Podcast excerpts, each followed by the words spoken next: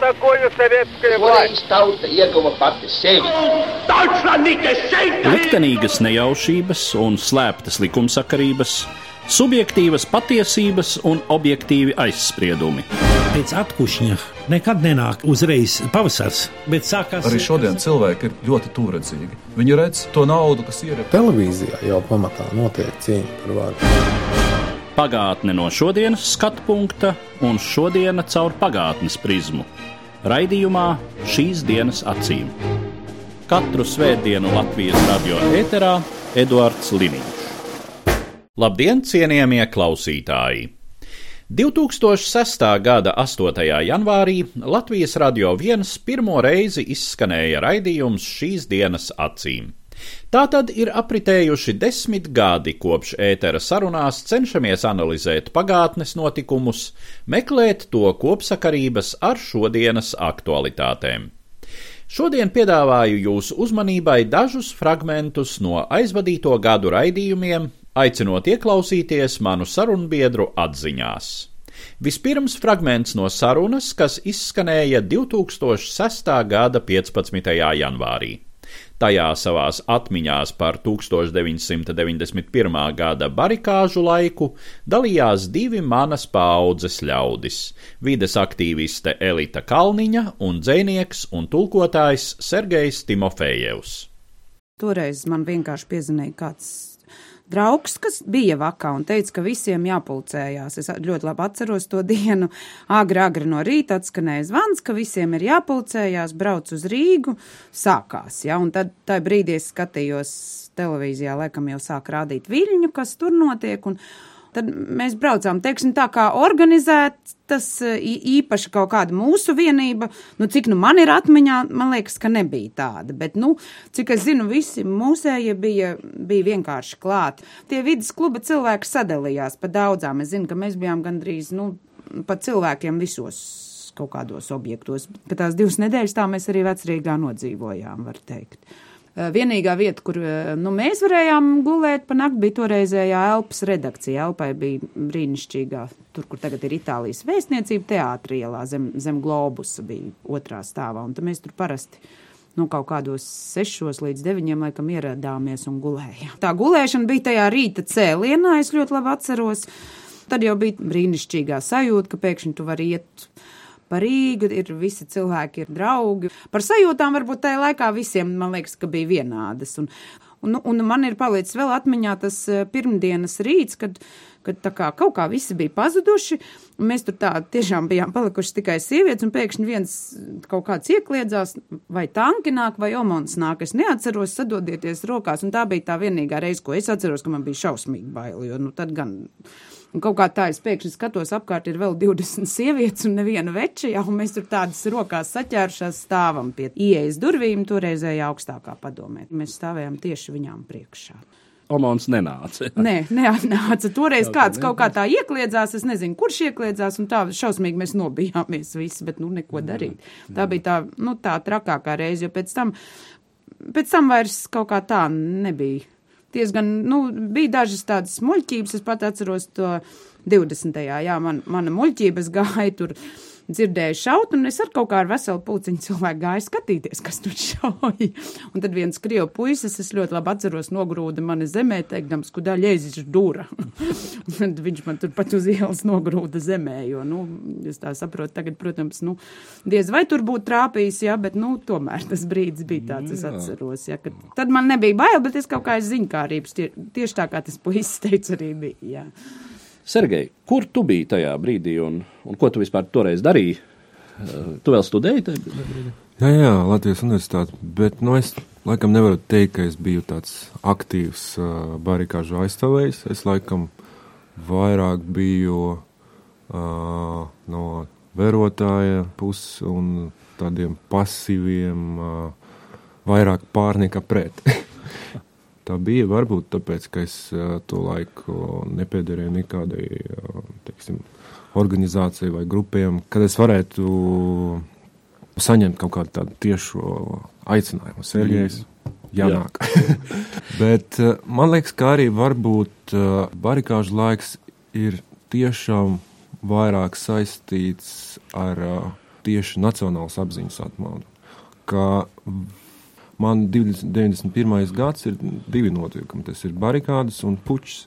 Un kaut kā augustā, tā nakti, pirmā nakti, kad tiešām ienāca tanki un karavīri, nu, tur bija kaut kā viss nu, no, no manas puses skaidrāk un kaut kā dabiskāk. Es gāju tur uh, ielas un biju ar cilvēkiem, kas mēģināja tur runāt ar tiem karavīriem, ka jums nevajag vispār šeit nākt, un uh, tas kļūdas un multiples, ka jūs šeit esat un tā tālāk. Un, teiksim, arī uh, tajā nakties uz ielām nu, redzēju starp tiem cilvēkiem, kas bija. Tur nu, diezgan daudz arī krieviski runājušu cilvēku, kas piedalījās, un tas bija pilnīgi kaut kā no sirds. Tā sajūta, ka Padomju Savienība ir monstrs, un tam monstram ir jāsabruk, nu, tas bija nu, bez šaubām.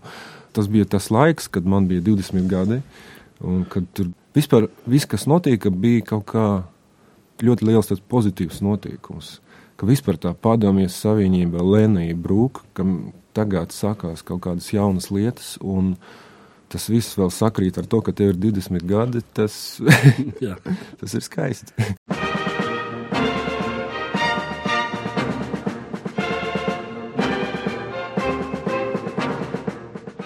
Trešās atmodas tematika izskan arī nākamajā fragmentā, taču citā kontekstā. Šī saruna ar kādreizējo Tautas frontes priekšsēdētāju Daini Ivānu bija klausāma 2009. gada 18. janvārī, kad tikai dažas dienas bija pagājušas kopš 13. janvāra nekārtībām vecrīgā. Neizbēgami tobrīd nācās meklēt atbildi uz jautājumu, kas nogājis greizi sabiedrības un politiskās elites attiecībās. Tas nojauts, man liekas, ka cilvēkiem ar politisko pieredzi man tā ir pietiekoši liela, jau bija. Pirms tā mītiņa, kad man vairāk cilvēki jautāja, vai iet, es viņus mēģināju censties atrunāt. Un mans arguments bija tieši tas, Dievs nedod atraisīt pūļa instinktu, jo to var izraisīt ļoti viegli. Bet pēc tam sabiedrību atgriezt atkal tādā normālā, nestresa situācijā, izējas meklējumos, ir ārkārtīgi grūti, un to jau pierāda tas, kas notika. Atšķirības starp to, kas bija atmodas laikā un janvārī, un starp šo manifestāciju organizēšanu, bija, manuprāt, tāda, nu, viegprātība, tāda diezgan smaga bezatbildība. Aicinot cilvēkus un neapzinoties, ka viņi izaicina tautas, izaicina masas, kuras vadīt ir ārkārtīgi grūti, un tas nav tāds viegls darbs. Tad es gan atcerējos, kā tas notika. Mums ir saglabājies tikai tie skaistie mirkļi, kas mūs iedvesmo šodien atceroties janvāru un atceroties tautas fronts pirmsākumus. Nevardarbīgais, bet ārkārtīgi spēcīgais uzvarošais gājiens. Un tad es atceros, ka rīkot šīs manifestācijas nevis 10 tūkstoši, bet 100 tūkstoši. Tas bija mazākais, un bija pat pusmiljons viena no manifestācijām. Mēs ārkārtīgi rūpīgi plānojām. Katru runātāju mēs mēģinājām prognozēt, ko viņš teiks, kādā veidā nelaist pie vārda tos, kurus mums likās varētu izbraucēt kaut mazāko vandālismu vai mazāko vardarbību šajās masās. Protams, vēl viena lieta bija arī tas lielais mērķis, jo tomēr janvāra barikādas, kas Latviju kā labu piemēru atšķirībā no šī 13. janvāra parādīja pasaulē, jo mēs gribējām kaut ko labāku. Šobrīd tomēr vairāk ir noliegums un negatīvais, un tas pats sevi izraisa tādu spontānu cilvēku reakciju. Mūsu cīņas ierocis, ko mēs izmantojām, bija tas, ko šodien no modernā valodā, modernā demokrātijā sauc par tiešo demokrātiju. Jo kas tad bija tie lielie mītiņi? Tie lielie mītiņi bija referendumi. Jo nevis mēs diktējām, un man liekas, augstākajai padomē, ne arī valdībai, tajā laikā pat nevarēja ienākt prātā, ka mēs varētu cilvēkiem diktēt, ko viņi dara, neņemot vērā viņu viedokli. Un tas tomēr palīdzēja visu laiku ievērot līdzsvaru. Es vairāk kārtīgi kulāros, pat no tautas fronts laika cilvēkiem, kas joprojām ir politiķi. Es dzirdēju tādus izteikumus, eh, kas nu, neviļas jau pavīda arī viņu publiskajās uzstāšanās reizēs, nu, mums jau nav jāklausās, ko tie cilvēki saka. Tas jau pūlis pavisam tādā rupjā vārdā stulba tauta. Pavisam nesen apspriežot arī kaut kādas budžeta lietas ar vienu arī no cilvēku, kas arī tautas fronts laikā bija zināms, kad viņš kritizēja to un to ekonomikas jautājumu, bet taču bija arī pie vadības, eh, kurš ir vainīgs pie šīs eh, sociālās krīzes, pie ekonomiskās krīzes. Un tad viņš atbildēja, ka tauta vainīga, jo tauta gribēja algas. Un es domāju, ka šī mhm. pārliecība ir visbīstamākā, jo mūsu varai liekas, ka tautai nedrīkst neko atļaut, jo padomēt, viņi tūlīt nodarbosies ar vandālismu. Savukārt tautas fronts laikā bija pilnīgi cits princips. Tautai vajag atļaut. Jo tajā brīdī, kad tautai atļauj, tā pašdisciplīnas pakāpe ir daudz, daudz augstāka nekā tādā ignorances situācijā, kāda tā ir šobrīd. Starpība jau bija tā, ka bija tāds nu, varbūt, spēcīgs vienojošs kodols, kas pat, pat nebija vairākums Latvijas tautas, kas spēja mobilizēt un nepieļaut to. Jo mēs, kad runājam par atmanu, mēs sakām visa tauta. Īsnībā jau pat tautas fronts kulminācijas laikā tautas frontē bija katrs desmitais Latvijas iedzīvotājs. Un šī aktīvā daļa. Toreiz bija tā, kas noteica procesu, viņi bija dominējoši, un tas bija ārkārtīgi svarīgi. Ja? Ka varbūt šobrīd mēs nejūtam šīs aktīvās eh, sabiedrības daļas eh, dominantu un ietekmi tik spēcīgi, kā tā bija toreiz.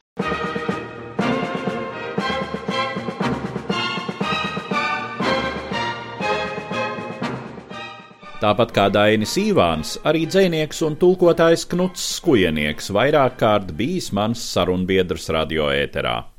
Saruna, kuras fragmentu piedāvāju jūsu uzmanībai šodien, izskanēja 2009. gada 5. aprīlī. Gan jautājums attiecībā par valsti, gan jautājums arī par tautas izdzīvošanu. Tas ir tautas pašas rokās. Es tautu salīdzinātu ar tādu kā bioloģisku organismu. Paļauties uz tautas prātu. Tas ir kaut kāds 19. gadsimta lozungs, pie tam tas ļoti ideāls. Un tas, ka tautai tāpat kā dāmai vienmēr ir taisnība, es domāju, ka šodien tas jau ir pierādījies, ka tā tas gluži nav. Var 5 minūšu laikā, piemēram, lielu tautas daļu pārvērst par trakojošu pūli. Mūsu situācija vēsturiski, ja mēs ņemam tālākā griezumā, ir stipri sarežģīta. Viņa ir daudz sarežģītāka arī pat kā mūsu kaimiņi, kā Lietuva un Igaunija. Mūsu tauta izveidojās piespiedu kārtā. Tie nolādētie krustnešana, tas ordenis un tā tālāk.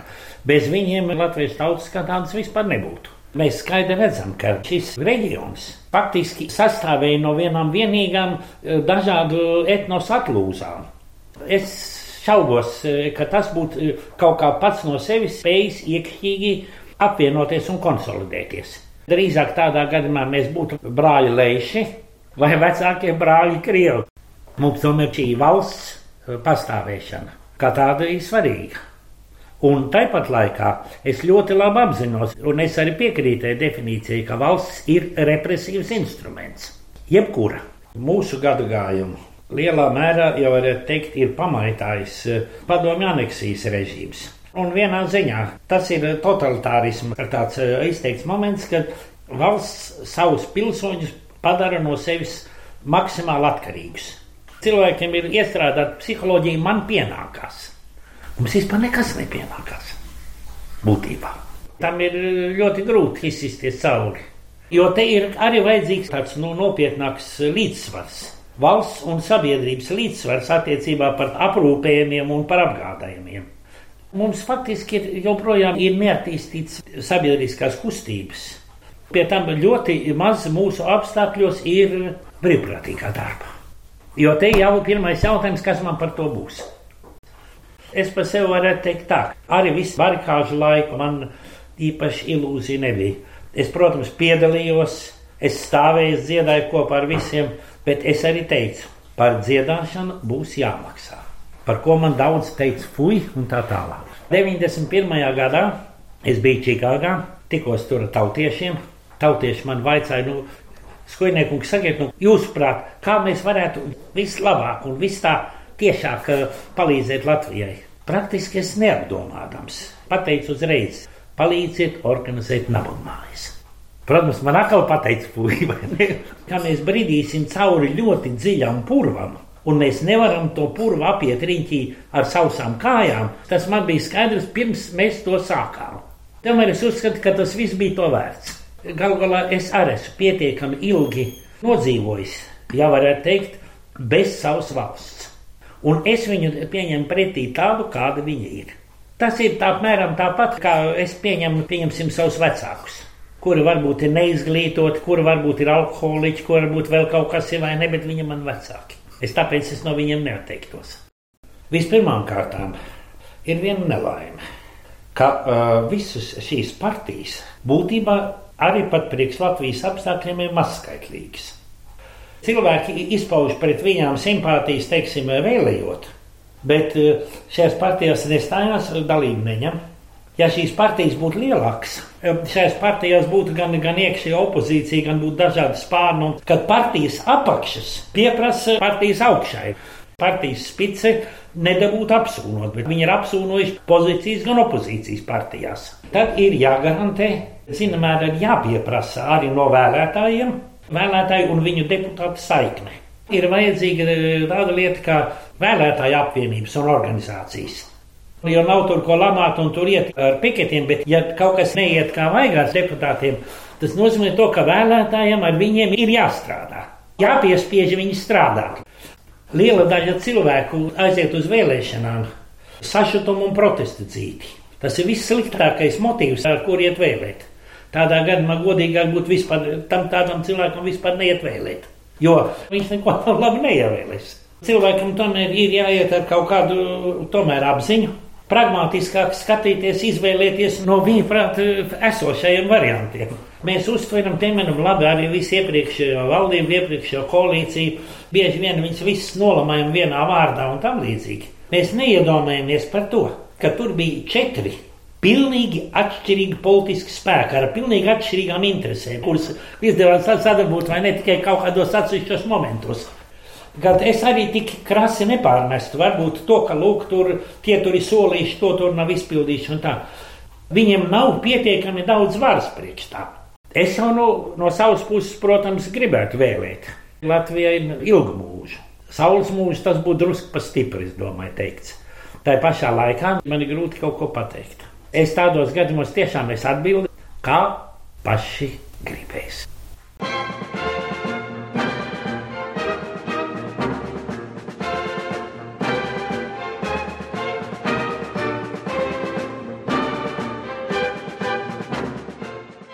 Līdzīga ievirze bija arī manai stundu ilgajai sarunai ar akadēmiķi, fizikālu ķīmiķi un zinātņu vēsturnieku Jāni Stradiņu, kas izskanēja ēterā 2009. gada 9. augustā. Tās pamattēma - latviešu nācijas elites veidošanās un tās loma mūsdienu sabiedrībā. Kādreiz Latviju, Latvijas valsti sauc par trešo tēvu dēlu republiku, jo zemnieku savienībā bija divi spārni. Tas zemturs spārns, ko pārstāvēja Andrievs Niedra, tā bija nu, tāda veco saimnieku pagastu veča. Bet eh, tas otrs, ko pārstāvēja jaunais Kārlis Ulmans, tā bija ļoti interesants veidojums, un es domāju, ka Kārlis Ulmans izveidoja latviešu pilsonības eliti ļoti lielā mērā uz zemnieku bāzes izolējot to vecpilsonību, kas bija saistīta ar Rīgas Latviešu biedrību. Viņš bija piektā gada revolūcijas nu, aktīvs līdzjutējs. Aktīvs līdzjutējs. Viņš nebija dalībnieks, un tas, pa ko viņi tur represēja, par ko ielika cietumā, nu, daži saka, ka tā būtu glābšanas akcija, lai viņi nenošautu uz karstām pēdām soda ekspedīciju. Tad viņam labvēlīgais apriņķa priekšnieks eh, Valmierā lika viņu apcietināt, nosūtīt uz Pleskavu, kur viņš relatīvi bija drošībā, nu, un pēc tam viņam bija, tā sakot, jāemigrē. Un kas varbūt ir ļoti interesanti Ulmanim un kas ļāva viņam arī radīt latviešu valsti, tas, ka atšķirībā no Čakstes, Ulmans un tāpat Valters nebija dabūjuši izglītību Krievijā. Ulmans studēja mazliet Vācijā un studijas nobeidza Amerikas Savienotās valstīs pavisam citā atmosfērā. Viņš nejūtās saistīts ar Krieviju. Viņam bija vieglāk atdalīties no Krievijas, jo, piemēram, Andrievs Niedra uzskatīja, brīvu Latviju var rasties tikai tad, ja to atzīst Krievija. Arī sociāldemokrātos bija tāda neliela grupa, kurai šīs saistības ar Krieviju nebija. Tie bija Šveices emigranti, viņu vidū Cielēns, arī Pauls Kalniņš, arī Rainis, kuri bija no Krievijas atbrīvojušies. Kaut Kalniņš un Rainis bija studējuši Krievijā. Otrs apzīmējums, ko Latvijai neatkarīgai dod, tā būtu dzinieku republika. Un arī tas ir taisnība. Ļoti liela loma bija akurātoram, skalbam, virzam, Linardam Laicenam tieši Latvijas idejas attīstīšanā. Un tādā kārtā varbūt radās šī Latvijas pirmā politiskā elite. Būtībā jau latvieši ir ļoti toleranti. Daudzkārt viņi pārāk toleranti. Arī tā jāsaka. Bet dažkārt atkal ir nu, nepamatoti iecirtīgi un nepamatoti atgrūdoši. Es domāju, ka mums ir tomēr jāskatās, saglabāt savu tautu, savu tautību, savas tradīcijas, bet reizē arī nepārtraukti modernizēties un demokrātiskās vērtības, toleranci iegūt. Tad tas ir varbūt tas svarīgākais, kas ir nepieciešams un bez kā mēs būtībā no krīzes neiziesim. Es tā tagad lasīju, ka 160 tūkstoši latviešu prognozē, kad izbrauks gadu laikā no Latvijas ārā, bet tā jaunākā daļa, nu, tad neveltīsim to teicienu uz neatgriešanos. Ar ko mēs aizvadījām pirms 70 gadiem Baltijas vāciešus. Veltīsim to teicienu uz atgriešanos, uz atgriešanos ar e, pieredzi, bagātāks, lai Latviju varētu padarīt bagātāku un daudzveidīgāku šī iecietība un sevišķi šī līdzās pastāvēšana, kas ir bijusi, tā mums tomēr ir jāatzīst un jāpārvērtē tiešām tie novecojušie aizspriedumi. Pirms kādiem gadiem, kad bija tā iepriekšējā krīze, tad mēs dzirdējām tādu teicienu arī par Baltijas valsts salīdzināšanu.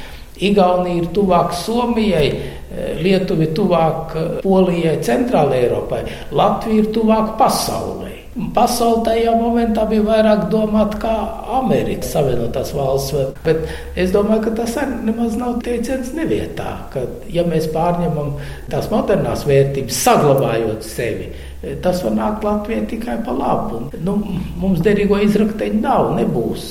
Baltijas jūra arī savu tādu lielu mērogu nozīmi varbūt ir eh, zaudējusi. Bet tomēr tranzīta plūsmas, kas varētu iet ne tikai no Krievijas, bet arī no Centrālā Azijas, no Ķīnas pat, dzelzceļš, arī tas viss, es domāju, ļoti daudz varētu mums dot. Tāpat Krišjāna Valdemāra jūrniecības vai, teiksim, plašā mērā tā tirdzniecības tradīcija. Latvija ir neizmantot iespēju zemi, un mums nav tādas plaši domājošas elites. Kāds faktiski tomēr bija Krišjāns Valdemārs. Arī tagad, nu, politiķi kaut ko tādu, bet bez tādas aptverošas domas, ko Latvija varētu vispār, kāda varētu būt viņas vieta modernajā pasaulē, ne tikai Eiropā.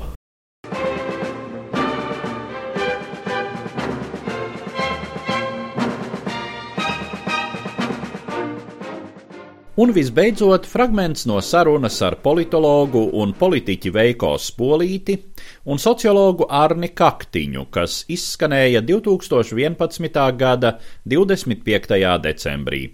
Raidījums tapis ciklā 20 pēdējie un pirmie, kas tika veidots sadarbībā ar kompāniju LMT un bija veltīts būtiskajiem procesiem Latvijas sabiedrībā kopš valstiskuma atjaunošanas. 80. gada beigās un 90. gada sākumā uz trešās atmodas lauriem bija nepieredzēta iedzīvotāja aktivitāte.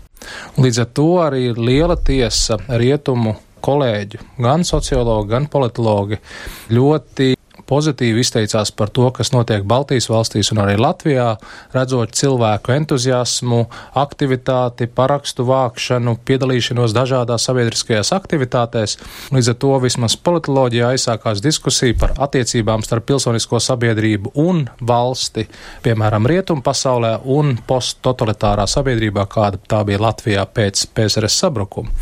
Un, manuprāt, šeit pēdējo 20 gadu laikā ir tomēr izkristalizējies, ka šis pieņēmums lēmums par to, ka tagad situācijā, kur demokrātija un tirgus ekonomika noteiks spēles noteikumus, pilsoniskā sabiedrība darbosies autonomi un tagad ietekmēs valsts notikumus, tā tik vienkārši nav. Un šeit tomēr ir jārunā par to, kādā veidā notika pāreja uz tirgus ekonomiku, kā notika privatizācijas process, kādā veidā tika nodrošināta iedzīvotāja iesaiste un vai tomēr iedzīvotāji tika uzklausīti, tātad kādā veidā tika būvēta šī politiskā sistēma, partiju sistēma. Manuprāt, Veikā minēja vienu ļoti labu vārdu. Tas bija entuziasms. Ka tik tiešām viņš lēnām sāka parādīties 80. gadu beigās, un tad 90. gadu pašā sākumā viņš bija visā plaukumā. Tas bija entuziasms. Tās, protams, bija ļoti liels cerības ar to, ka tagad šīs pārmaiņas atnesīs kaut ko jaunu, kaut ko labāku. Vienlaicīgi bija, nu, zinām, mērā arī pat kaut kur mīti par to pirmo republiku, par to, cik tur viss bijis gaiši un skaisti un skaidrs, ka, ja mēs tagad atjaunojam to pirmo republiku, tad bez maz pēc pāris gadiem plus mīnus mīnus, viss būs tāpat. Protams, ka visiem procesiem ir inerce, un arī uzticības kredītam varai arī šim entuziasmam bija zinām inerce, un gribētu teikt, visi 90. gadi lielā mērā pagājuši šajā inercē. Tad es varbūt gribētu arī runāt par tādām kategorijām kā par apziņu, apziņas attīstības līmeni. Tā apziņa nebija īstenībā rietumnieciska. Un notika tas, ka ar to mūsu nepārāk rietumniecisko apziņu mūs ņēma un ielika iekšā tajās rietumnieciski valstiskajās struktūrās.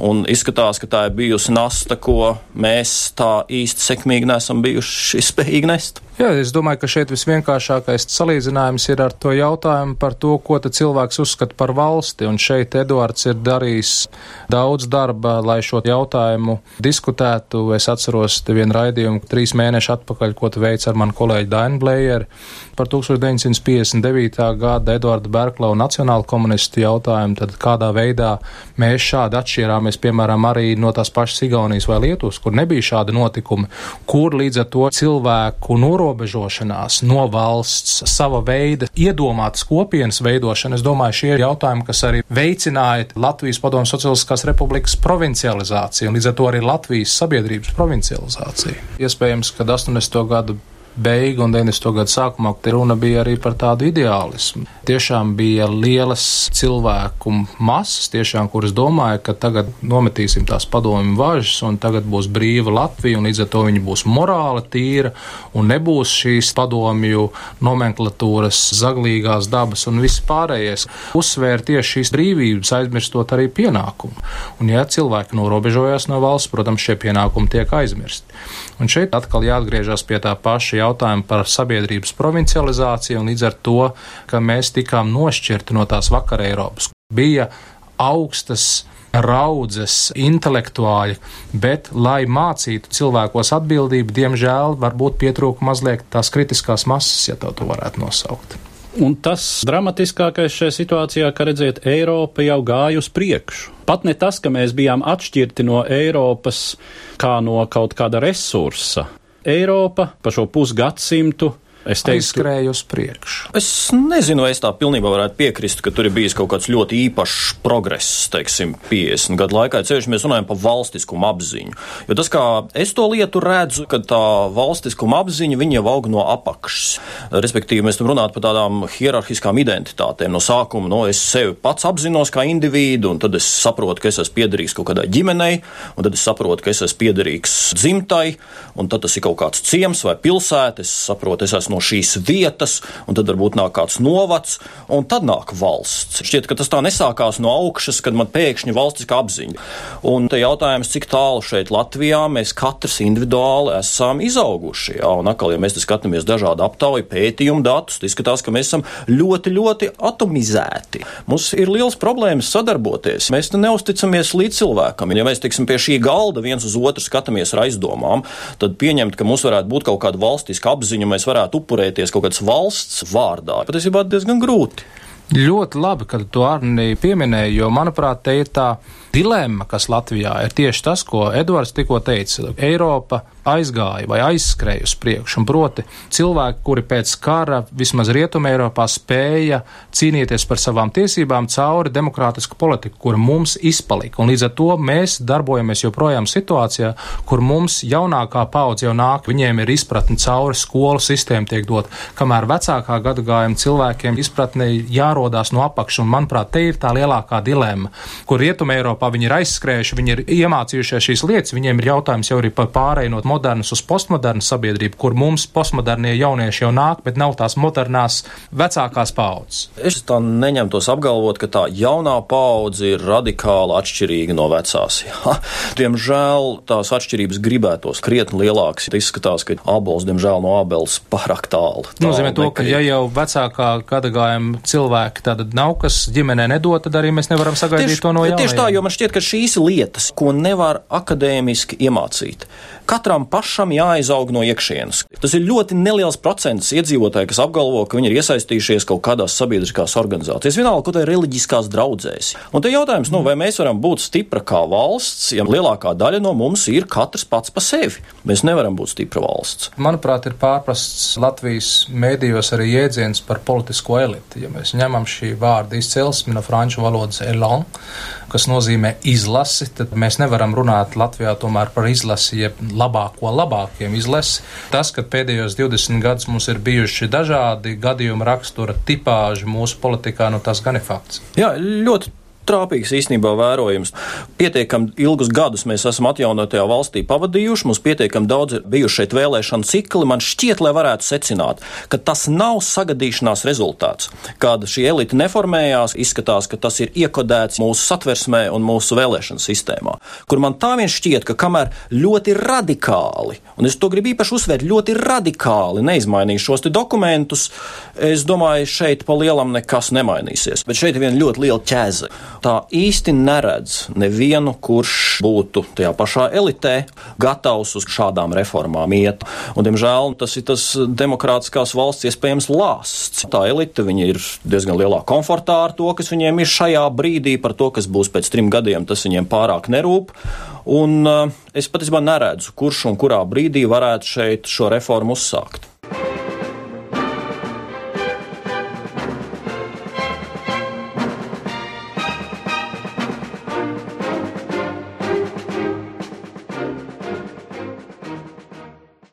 Līdz ar to izskan šodienas raidījums, kurā atskatījos uz desmitgadi, kas aizvadīta Latvijas radio viens ēterā. Es saku paldies tiem daudzajiem izcilajiem sarunbiedriem, kuru zināšanas un spriest spēja ļāvuši veidot raidījumu šīs dienas acīm interesantu, izglītojošu un atziņām bagātu. Pateicos arī jums, cienījamie klausītāji, par raidījumam veltīto laiku un uzmanību. Uz sadzirdēšanos arī turpmāk. Katru svētdienu Latvijas radio viens par pagātni sarunājas Eduards Liniņš.